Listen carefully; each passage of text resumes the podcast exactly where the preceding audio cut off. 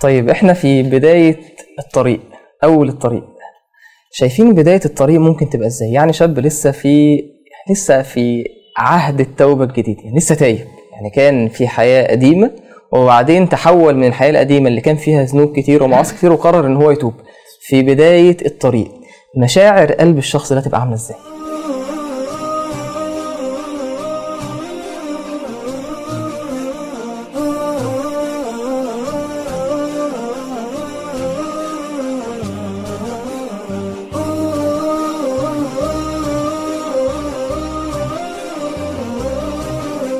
بص أهم حاجة إن هو يقبل على ربنا سبحانه وتعالى. لما تيجي تبص في حديث قاتل المئة ده حديث كلنا حافظينه يعني بنقعد نقوله في كل حتة. لكن لما تيجي تشوف ليه ربنا سبحانه وتعالى غير للراجل ده جغرافيا الكرة الأرضية فتشوف بقى كلمة الملائكة. قالوا إيه؟ إنه جاء تائبا مقبلا بقلبه. فقال لك إنه جاي تائب إلى الله سبحانه وتعالى داخل الطريق ده تائب فعلا وسايب وراه كل حاجة حرام. مقبلا جاي مقبل على ربنا سبحانه وتعالى وجاي بقلبه. كان الصحابة وكان التابعين يقولوا دايما على سيدنا أبو بكر إيه؟ ما سبقكم ابو بكر بكثير إيه؟ صلاة ولا صيام. ولكن بشيء وقر هنا في حاجة في قلبه. حتى لو في واحد أكتر منه عبادة. فإنك أنت فعلا تبقى جاي مقبل على ربنا سبحانه وتعالى بقلبك مش حاسبها. مش جاي ماسك ورقة وقلم طب أنا لو مشيت في الطريق ده هكسب إيه؟ ولو مشيت في الطريق ده هخسر إيه؟ طب اذا يساوي كذا. لا مفيش حد بيقبل على ربنا ويقعد يحسبها كده.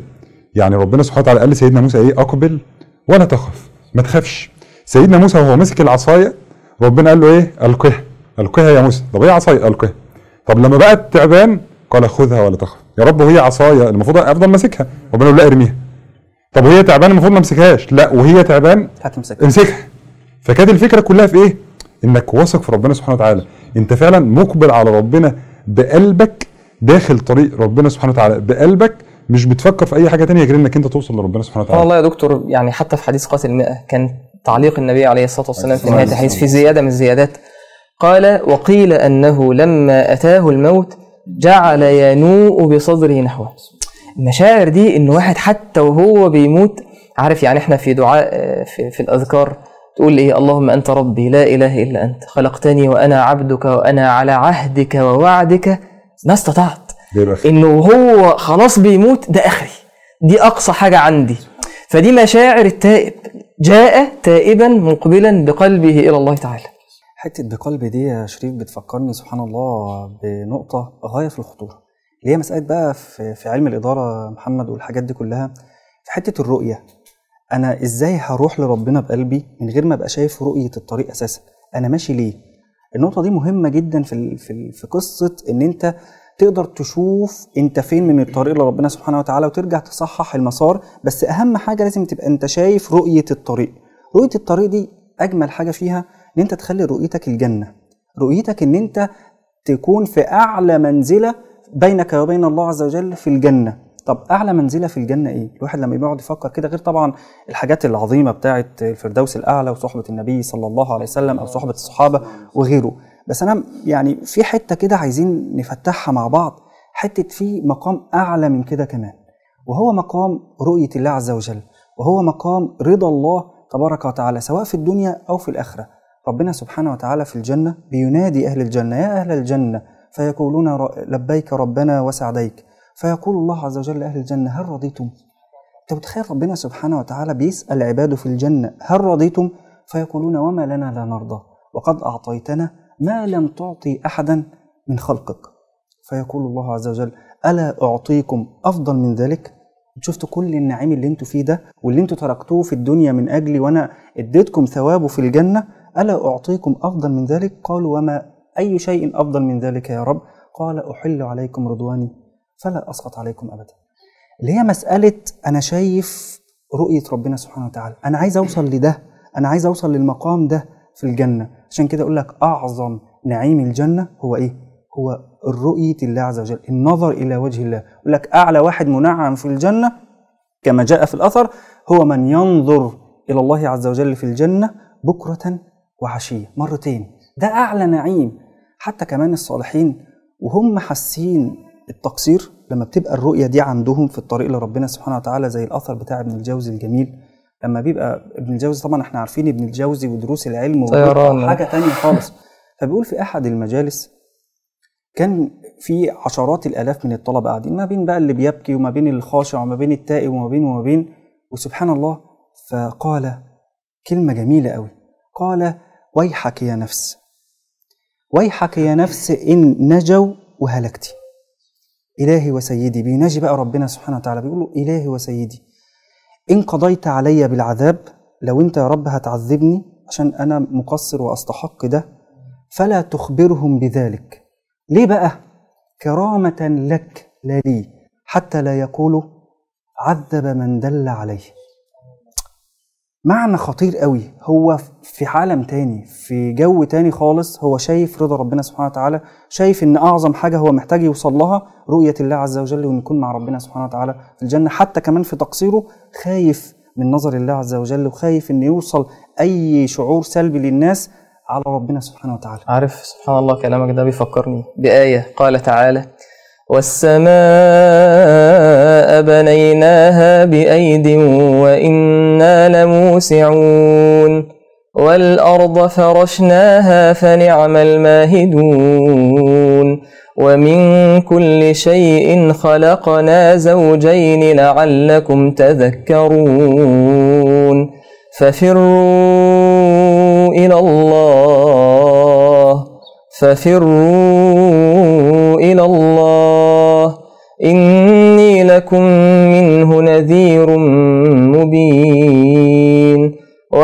تجعلوا مع الله إلها آخر. إني لكم منه نذير مبين. سبحان الله. سبحان الله ربنا يبارك فيك. أنا من أهم النصائح اللي لازم نقولها يا شريف لحد بيبدأ لسه أول الطريق إنه ما يكركبش الدنيا فوق دماغه. في ناس آه لما يقعدوا يقولوا آه أنا لسه مطلوب مني إيه؟ مطلوب مني أحفظ قرآن ومطلوب مني أطلب علم مطلوب مني كذا وكذا وكذا. فكثرة التكاليف بتعطله وبتحسن انه عليه حاجات كتير فيحس إن هو مضغوط فما يعرفش يعمل أي حاجة منها على طول. من أصول الوصول إلى الله تعالى من استطال الطريق ضعف مشيه. من استطال الطريق ضعف مشيه.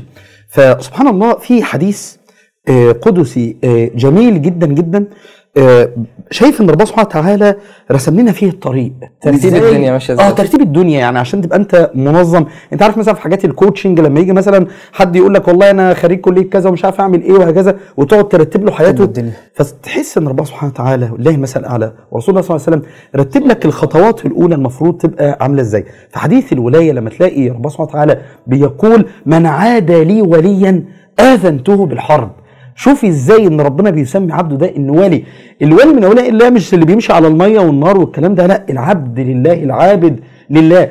اللي ربنا يحبه وي وي وي ويدافع عنه لدرجة إن اللي يعاديه ربنا يحاربه. طيب يبدأ إيه؟ يعمل إيه؟ فربنا سبحانه وتعالى يقول وما تقرب إلي عبدي بشيء أحب إلي مما افترضته عليه. إن أول حاجة الفرائض. فإنت دايما لما تيجي تسير في أول الطريق زي ما قلنا إنت كرؤيتك يبقى في نهاية الطريق الجنة والفردوس الأعلى ومصاحبة النبي صلى الله عليه وسلم في الفردوس آه، الأعلى آه، ورؤية وجه الله الكريم على الدوام. طيب دي نهاية الطريق. طب أول الطريق إيه؟ أول شبر. أول شبر. ما هي دي؟ من تقرب الي شبرا تقربت إليه ذراعا. ابدأ أول شبر. قلنا أول قلناها قبل كده من أهم أصول اصول الله- تعالى عليك البداية وعليه التمام. ابدأ بأول شبر. طب الشبر ده إيه؟ أعمل إيه؟ ما تكركبش الدنيا على دماغك. ابدأ فكر في الفرائض. إيه هي الفرائض الأساسية اللي عليك؟ اللي أولها الصلاة. أول ما يحاسب عليه المرء الصلاة. فإن صلحت صلح العمل كله. وإن فسدت فسد العمل كله. ابدأ ظبط صلاتك ونبدأ نشوف الخطوات اللي بعد كده. بس طيب يعني أحيانا بيبقى واحد ممكن إيه هو هو فاهم دلوقتي الخطوات اللي أنا هاخدها في الحاجات اللي أنا هعملها. بس هو بيبقى أحيانا الواحد فاهم إن الطريق إيه أنا ماشي بس إيه اتجاه واحد. فيعني ده الكلام ده صح ولا؟ آه، هو بص في حاجتين. يعني تخيل أنت جايلك واحد يا حسام بيقول لك بص أنا قتلت 100 واحد في المنطقة عندنا. تمام؟ فأنت عايز تقول له كلمة واحدة وهتسيبه مش هتشوفه تاني. فأنت عايز تلخص له واخد بالك؟ هيعمل إيه في الطريق ده كله؟ في كلمتين وما عادش اشوفه تاني. فكان الكلام يعني بص اللي كتب ماء الذهب يعني زي ما بيقولوا اللي هو اترك وانطلق. إن من الآخر كده في حاجات هتسيبها. اداله الزيتونه ادار الزيتونه أيوه. كلام عالم بقى غير العابد اللي آه. قال له ليس لا يس- أو التاني خلاص اتقتل وربنا يرحمه خلاص فهو قال له اترك وانطلق. فأنت لازم تبقى عارف والله هتمشي في الطريق ده في حاجات هتتركها. وهتتركها دي سايبها وهي يعني بتقطع فيك من جوه. وانت يعني هتموت عليها. وانت لو سبت حاجة انت ما بتحبهاش عادي. استفدت إيه يعني؟ فين الاختبار أصلا؟ آه فين الاختبار أصلا؟ انت يعني حاجة أنا أصلا بكرهها سبت. فين اللي انت سبته أصلا؟ انت ما سبتش حاجة. فهو الاختبار في إنك سايب حاجة بتحبها. يا رب أنا بحبها. وبموت فيها. ونفسي أعملها. ولو عملتها اتبسط يعني حتى كان واحد يقول لك هي المعصيه حلوة ليه؟ فعشان لما تسيبها تبقى عملت بطولة. مش كل المعاصي على فكرة وحشة. انت ربنا سبحانه وتعالى من كرمه سبحانه وتعالى انه بيخليك إيه تكرهها انك بعد كده تحس ان المعصية وحشة. فانت بتترك الحاجة لله سبحانه وتعالى و و و ولما تتركها لله ربنا يعوضك. ربنا يعوضك رضا في قلبك ربنا يعوضك بيها في الدنيا ربنا ممكن يعوضك بيها في الايه في الآخرة. لأنك لو ما تركتهاش هي ممكن تسيبك. ولو ما تركتهاش عشان ربنا هتسيب عشان مين؟ يعني واحد بيسيب سجاير عشان بيحب بنت، واحد مش عارف بيسيب أصحابه عشان يتريقوا عليه، طب ما تسيب عشان ربنا سبحانه وتعالى اللي يعني ما فيش كل خير في حياتك منه سبحانه وتعالى. ونقطة جميلة قوي في حتة بقى الترك أو الانطلاق وبإضافة كمان لكلام آه، أخونا محمد في مسألة الشبر. بس أنا عايز بقى أضيف حتة كده في مسألة آه، اللي هيعين على الترك. أحيانا برضو النفس بتبقى إيه مجلوبة على مسألة حب الأشياء أو صعوبة الترك على النفس أو الكلام ده. لكن إحنا عايزين نغذيها بحاجة أعلى عشان أقدر إيه أسيب اللي هو من ترك شيئا لله كلمة لله دي إحنا محتاجين إيه؟ نغذيها، طب نغذيها إزاي في رحلة سير الله عز وجل كبداية الطريق أو سنة أولى هداية أو سنة أولى تدين؟ مسألة السماع عن الله عز وجل. إن أنت لازم زي ما بنقول كده للناس يا جماعة أنتم محتاجين إن أنتوا يكون ليكم ورد في القرآن وتحافظوا على الأفكار بتاعتكم ويبقى ليكم مثلا شغل في الدعوة، إحنا محتاجين نقول لهم أنت محتاج يبقى ليك ورد سماع عن ربنا سبحانه وتعالى. إن أنت تسمع عن ربنا تجيب كده أسماء الله الحسنى تشوف أي حد بيتكلم في أسماء الله الحسنى طبعا بشكل منضبط وتبدأ تسمع عن ربنا سبحانه وتعالى تسمع أسماء الله تسمع صفات الله عز وجل تسمع معاملة ربنا سبحانه وتعالى. طب أنا لو ماليش في السماع اقرأ. هات أي كتاب من كتب مثلا أسماء الله الحسنى زي الشيخ سلمان العودة أو الدكتور خالد أبو شادي أو غيره من الكتب اللي أنت بتحبها أو فيها جزء كده بي- بيحرك قلبك. وابدأ اقرأ عن ربنا سبحانه وتعالى. اتعرف وعيش بقى كل أسبوع كده عيش مع اسم الله الوكيل اسم الله الصمد اسم الله اسم من أسماء الله أنت تعيش بيه في حياتك في رحلة السير الله عز وجل. ومش بس كده ده اللي هيعين يبقى. دي نقطة مسألة إن أنت تسمع عن ربنا. وعايز بقى أضبطها بحيث إن الدنيا ما إيه ما تزودش عندي في حتة ال- ال- الرجاء ويضيع عندي حتة الخوف اللي هو عايزين نجمع ما بين الرجاء والخوف في رحلة السير الله عز وجل. اللي هي مسألة إيه بقى؟ إن أنت برضو محتاج زي ما أنت محتاج تسمع عن ربنا محتاج تسمع عن الدار الآخرة. إن أنت يبقى ليك ورد في إن أنت تعرف أحوال يوم القيامة حسن وسوء الخاتمة. يوم القيامة هيحصل فيه إيه؟ القنطره الجنة النار. الحاجات دي كلها هتغذي عندك حتة إن أنت تترك لله عز وجل. عارف يا حسام؟ سبحان الله كان كلمة جميلة لابن القيم. كان بيقول من عرف الله بأسمائه وصفاته أحبه لا محالة. يعني مفيش حد هيتعرف على ربنا سبحانه وتعالى ويسمع عن الأسماء والصفات إلا ويحب ربنا. والحب هيجيب إيه؟ الطاعة والالتزام فمعنى ان أنا مهم ان أنا اسمع عن ربنا بس كتير مننا لما بتقول لك أنت محتاج تسمع عن ربنا محتاج تسمع عن الجنة والنار كلام عن التوبة بيحس إن الكلام ده إيه؟ يعني الكلام ده مش ليا قوي يعني الكلام ده إيه؟ آه يعني ده كلام عادي. يعني لسه بقى نقعد نسمع وصف الجنة ووصف النار. أنا عايز أقول لك إن مجلس النبي عليه الصلاة والسلام كان فيه ده. يعني تخيل ان سيدنا أبو بكر وسيدنا عمر وسيدنا عثمان وسيدنا علي قاعدين في مجلس النبي عليه الصلاة والسلام بيتكلم عن الجنة والنار بيصف الجنة والنار بيتكلم عن قدرة ربنا سبحانه وتعالى وده اللي كان بيأثر في نفوس الصحابة. يعني سيدنا حنظلة حديث معروف لما راح لسيدنا أبو بكر وكان بيشتكي من حال قلبه نافق حنظلة. لما راح للنبي عليه الصلاة والسلام قال نكون عندك يا رسول الله فتذكرنا بالجنة والنار. يعني مجلس قاعدين النبي عليه الصلاة والسلام بيكلمهم عن الجنة والنار. الصحابة محتاجين ده فإحنا أكيد أولى فمحتاج إن أنت تسمع عن الجنة والنار فكأن رأي عين طب بالله عليك اللي هيبقى شايف الجنة والنار كأنه شايف هيبقى عمله عامل إزاي؟ يعني ربنا سبحانه وتعالى قال: أمن هو قانت آناء الليل ساجدا وقائما. إيه اللي يخليني إن أنا أقوم أصلي؟ وإن أنا أتعب نفسي؟ ربنا قال إيه؟ يحذر الآخرة ويرجو رحمة ربه. واحد خايف من الآخرة وعارف الثواب اللي عند ربنا ويرجو رحمة ربه. توازن قال تعالى: قل هل يستوي الذين يعلمون والذين لا يعلمون؟ استحالة يستوي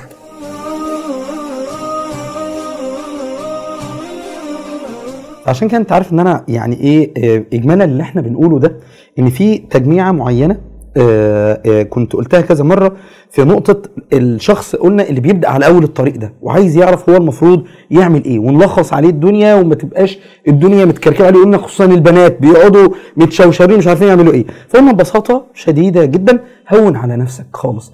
قلنا زي ما بدأنا مع آه، محمد جلال. إن أول حاجة إيه؟ ترك المنكرات. لازم تترك ما ينفعش آه والله أنا عايز أتوب وأنا ماسك السيجارة وبشرب. تاني حاجة زي ما حسام قال فعل الطاعات لازم أترك وانطلق. طيب تالت نقطة إيه بقى اللي عايز أتكلم فيها؟ أخذ القرارات. التوبة قرار. بطل إنك تسيب الدنيا عايمة لازم تاخد قرار. التوبة قرار. زي ما إحنا عارفين أركان التوبة. أول حاجة الإقلاع عن الذنب. الإقلاع عن الذنب ده قرار إنك هتبطل سجاير هتبطل شرب حاجة معينة ده قرار. النقطة الثانية نقطة الندم إنك تندم. مش تقول آه يا سلام واحدة كده تتفرج على صورها بال make up زمان قبل مثلا الحجاب تقول شوف كان شكلي عامل إزاي شوفوا يا أولاد أنا كان شكل مامتكم عاملة إزاي. اول يوم من أيام زمان. لا دي مشكلة كبيرة. الثالثه العزم على عدم العودة. وده محتاج قرار قوي جدا. فلو جينا شفنا ليه حياة الصحابة هنلاقي إن في صحابة خدوا قرارات قوية جدا في حياتهم. لما تلاقي إن كان في صحابي ثري جدا من أثرياء مكة زي سيدنا صهيب الرومي وعنده تجارات كبيرة جدا وياخد قرار الهجرة يقف ليه اسياد مكة ويقول له مش هتخرج إلا لما تتنازل عن كل فلوسك. طب إزاي؟ أيوه أنت لازم لو عايز تخرج وتاجر لازم تتنازل عن كل فلوسك. يترك كل فلوسه وكل أمواله لله. فربنا سبحانه وتعالى يبعث سيدنا جبريل ينزل على النبي صلى الله عليه وسلم عشان يبشر سيدنا آه، آه، صهيب الرومي ويقول له ربح البيع أبا يحيى فأنت لازم تاخد قرارات قوية جدا عشان تمشي في أول الطريق. أولئك الذين امتحن الله قلوبهم للتقوى. كان في نقطة مهمة قوي في ال- في الحديث اللي أنت ذكرته يا شريف مش عارف أعديها بصراحة. وهي موضوع فيذكرنا بالجنة والنار فكأن يعني حتة التذكرة يعني زي ما هو قال كده في ناس يقعد يقول لك يا عم تكلمي على الجنة والنار ما أنا عارف الكلام ده قبل كده. لا التذكرة مهمة. ربنا سبحانه وتعالى قال ولقد عهدنا إلى آدم من قبل إيه؟ فنسي ولم نجد له عزما لما نسي ما عادش في عزيمة على حاجة ما عادش في عزيمة على الطاعة ما عادش في عزيمة على ترك الإيه؟ موضوع الشجرة مثلا. على عكس مثلا آية إن الذين إن الذين اتقوا خلاص إذا مسهم طائف من الشيطان إيه؟ تذكروا. أول ما تذكر فإذا هم مبصرون. خلاص شايف الحاجة إيه؟ على حقيقتها هي فكرة برضو وذكر فإن الذكرى تنفع. أنت محتاج على طول تنفع قلبك وتنفع نفسك في الطريق ده ربنا. طيب أنا دلوقتي يعني الكلام ده كلام ممتاز. زي؟ الفل. زي الفل. بس أحيانا بيبقى من أخطر الحاجات اللي عند كتير من الشباب اللي ماشي في الطريق إن هو ماشي كده إيه؟ عشوائي. يعني يوم النهارده أنا إيه سخنت وقرأت جزء يوم النهارده سخنت ونزلت صليت الخمس فروض في المسجد مفيش حاجة ثابتة. مهم جدا إن هو يكون عنده في حياته إيه؟ ثوابت ثوابت. ده الترمومتر بتاعك. فأنا بالنسبة لي مثلا من أهم الثوابت اللي أنا شايف إن كتير من الشباب اللي ماشي في الطريق بقى بيأثر فيها بقى بيهمل الموضوع ده ورد القرآن. يا جماعة النبي عليه الصلاة والسلام كان ليه ورد من القرآن ما كانش بيفوت الورد بتاعه. والنبي عليه الصلاة والسلام كان بيحب سماع القرآن. في الحديث لما النبي عليه الصلاة والسلام ذهب لابن مسعود آه، قال يا ابن مسعود اقرأ علي القرآن. والله الواحد بيتعجب من الحديث ده. قال يا رسول الله أقرأ عليك وعليك أنزل. قال اقرأ فإني أحب أن أسمعه من غيري واسمع في رواية. والله قال إني أحب إني أشتهي أن أسمعه من غيري. إني أشتهي أن أسمعه من غيري. فقال عليه النساء فالنبي عليه الصلاة والسلام كان ليه ورد من القرآن. وده اللي النبي عليه الصلاة والسلام كان ظاهر في دعائه لما كان يقول اللهم اجعل القرآن العظيم ربيع قلبي. ربيع قلبي. الربيع ده اللي هو إيه؟ جدول المية زي ال ال الانال اللي في الأرض الزراعية اللي بتروي. أو ممكن زي المطر برضه. ده اللي بيروي قلبك. خفيف. ده اللي بيروي قلبك. قال تعالى إن هذا القرآن يهدي للتي هي اقوم فما ينفعش واحد ماشي في الطريق ملوش ورد. اليوم اللي الواحد بيبقى متعود فيه على قراءة الورد وبعدين بيقطع بيحس إن هو ماشي والله الدنيا تايه. في حاجة غلط. فده الزاد بتاعك ما تقطعوش. سبحان الله. أنا عايز نقطة القرآن دي حاجة جميلة. طبعا القرآن أعظم الذكر. وعايز بقى أضيف عليها كمان إن أنت لازم مسألة يكون ليك ورد من الأذكار.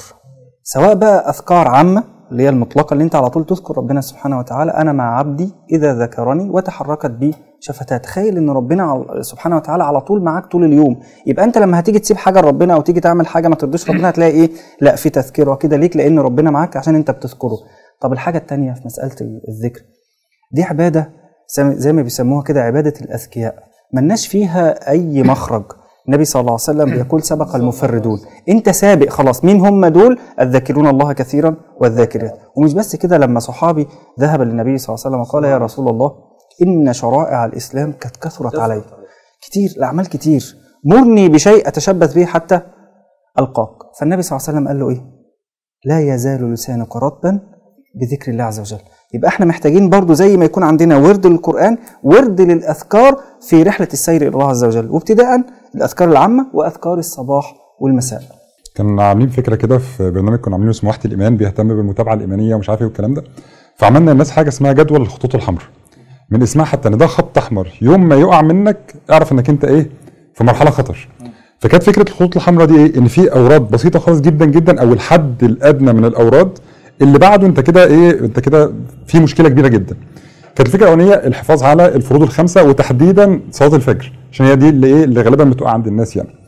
النقطة الثانية كانت الحفاظ على ركعة وتر واحدة كل يوم وكانت فكرتها حديث النبي صلى الله عليه وسلم من قام الليل بعشر آيات أقل حاجة لم يكتب من الغافلين. إن بص مش من الغافلين. ما تبقاش في الليلة دي غافل. فأنا عايز منك كل يوم ركعة وتر بكل هو الله أحد والفاتحة سبعة دي 10 خلاص؟ أو هات 10 بعد الفاتحة الحاجة الثانية كانت إن يبقى كل يوم تقرأ ورد من القرآن ولو صفحة.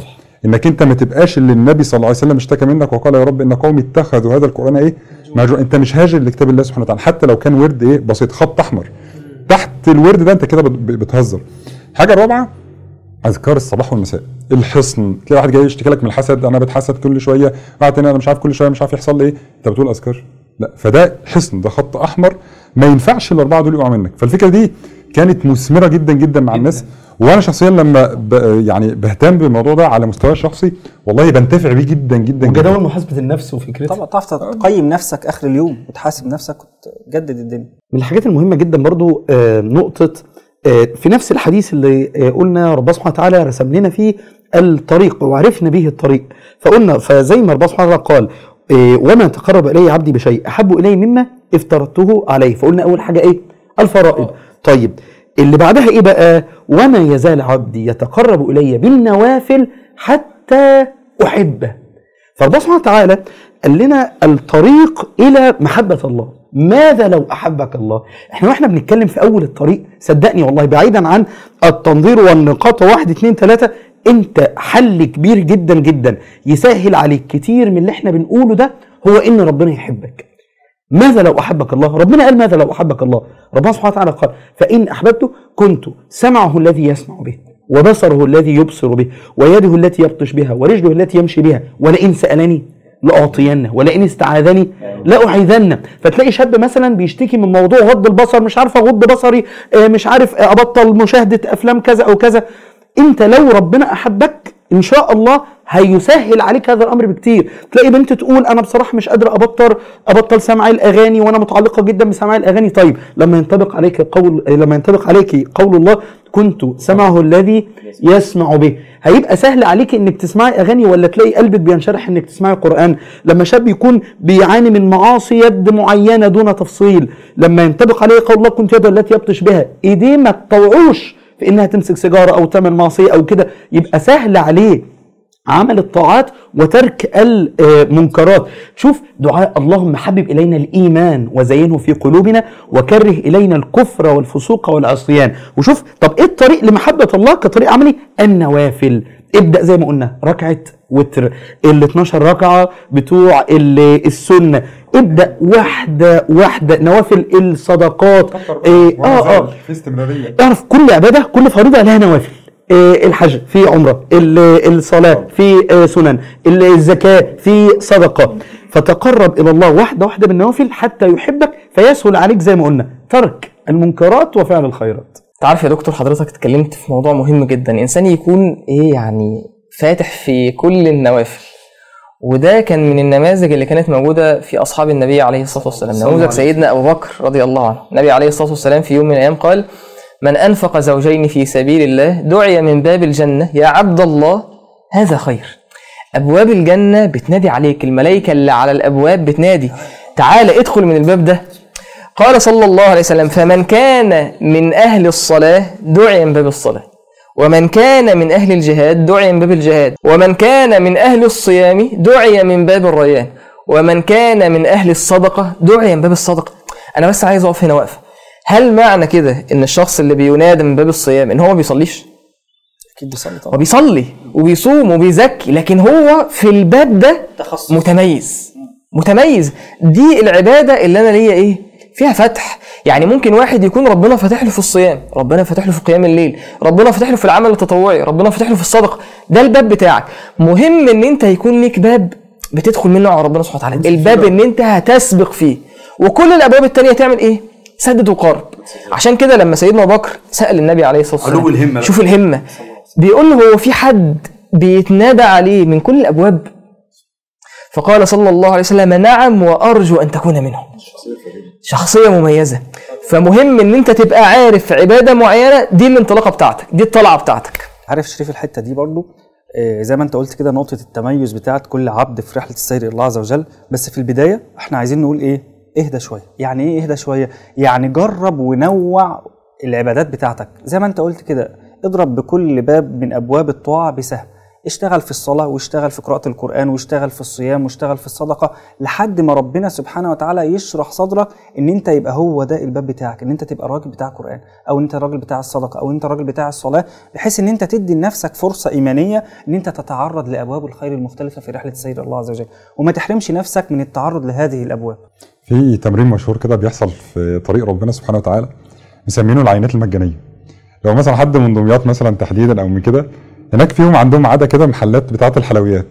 فأنت لما تخش مثلا إيه عايز تشتري كيلو مثلا مشبك فتلاقي الراجل اللي بيبيع بيديك حتة إيه؟ حتة بسبوسة. هو بيعمل إيه؟ بيدوقها لك. تدوقها تعجبك. آه فتقول له طب إيه؟ طب كيلو. أيوه طب 2 كيلو. محلات العطور اللي آه يحط لك مثلا مش عارف إيه فهي ال- ال- الساعات دي بتبقى موجودة في الدين. إنك أنت مثلا أول ما تلتزم أو أول ما تمشي في طريق ربنا سبحانه وتعالى تلاقي ربنا سبحانه وتعالى فاتح عليك في كل في حاجات كتير جدا. يذيقك آه أنت بتدوق الايه بتدوق ال- العبادة. تلاقي مثلا آه تلاقي البكاء سهل. تلاقي قيام الليل سهل. الفجر بتنام قبل الفجر بساعة وبتقوم تصلي. واقف آه، بتصلي قيام الليل ساعتين ثلاثة وتلاقي بعد فترة الدنيا ضلمت مش عارف آه هو في إيه؟ فجأة بتصحى الفجر بالعافية أو بيروح منك فجر ولو نمت متأخر يروح عليك. فجأة واقف في الصلاة مفيش ال- الفتح بتاع زمان. فإيه اللي حصل؟ أنت الحاجات دي ليها ثمن الحاجات دي ليها ثمن أنت بتدوقها. عجبتك؟ ادفع ثمنها بقى. الفجر ده ثمنه أو القيام ده ثمنه إنك أنت تنام بدري.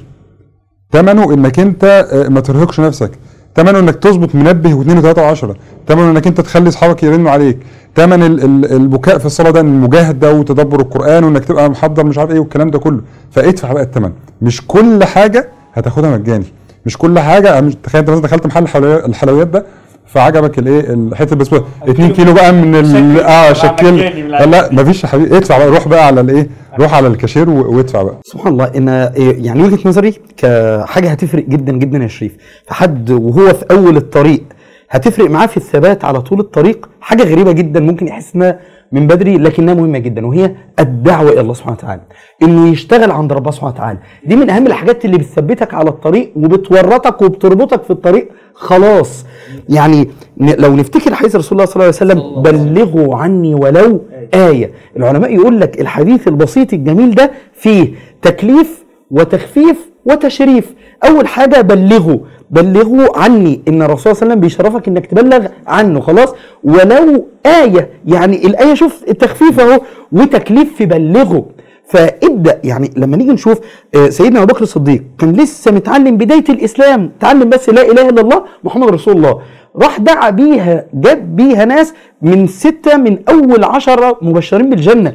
فدلوقتي بيبقى في شبهة عند بعض الناس معتقد بص أنا إمتى أدعو إلى الله؟ آه لما أخلص القرآن كله ولما أخلص الأحاديث كلها وأعمل كذا كذا. لا إحنا كنا لو تفتكر كنا عاملين شعار زمان إيه؟ أنت مسلم إذا. أنت داعية. وفي نفس الوقت ما بنقولش ممن دعا إلى الله. وعمل صالحاً. وقال. إنني من المسلمين. في نفس الوقت مش بنقول ادعوا على الله بجاه لا. وادعوا إلى سبيل ربك بالحكمة والموعظة الحسنة. خلاص؟ قل هذه سبيلي أدعو إلى الله. خلاص؟ على إيه؟ على بصيرة. فأطلب علم. واحدة واحدة. اسمع شريط أو اسمع محاضرة معينة موجودة على SoundCloud مثلا أو حاجة زي كده وشوف إيه الكلام المهم منها وادعوا الناس بيه. من الامثله الجميلة قوي يقول لك إن الإيد اللي بتغسل صحون هي أول إيد بتنضف. هتلاقي هنا شبه الشيف حد يقول لك إيه طب ده أنا لسه بعمل ذنوب كتير أنا بعمل معاصي. إزاي أدعو الناس؟ كان الإمام أحمد بن حنبل ليه جملة جميلة قوي يقول لك إيه وإن لم يعظ العاصين إلا مذنب فمن يعظ العاصين بعد محمد؟ ما خلاص. فكلنا أصحاب ذنوب. فمن الحاجات اللي هتثبتك على الطريق جدا إنك تبدأ تشتغل عند ربنا سبحانه وتعالى وتبدأ تشتغل في الدعوة إلى الله وده هيفرق معاك جدا جدا في الثبات على الطريق إن شاء الله. طيب يعني في النهاية إحنا قلنا بعض إشارات يعني إشارات وأنت ماشي في بداية الطريق سنة أولى التزام في أول الطريق بعض الإشارات. ونرجو إن شاء الله أن ربنا سبحانه وتعالى يسددنا ويوفقنا ويهدينا لأن في الأول وفي الآخر الهداية بيد الله سبحانه وتعالى والإنسان الصادق هو اللي يوفق في الطريق. والذين جاهدوا فينا. لنهدينهم سبلنا عليك البداية وعليه التمام إن شاء الله.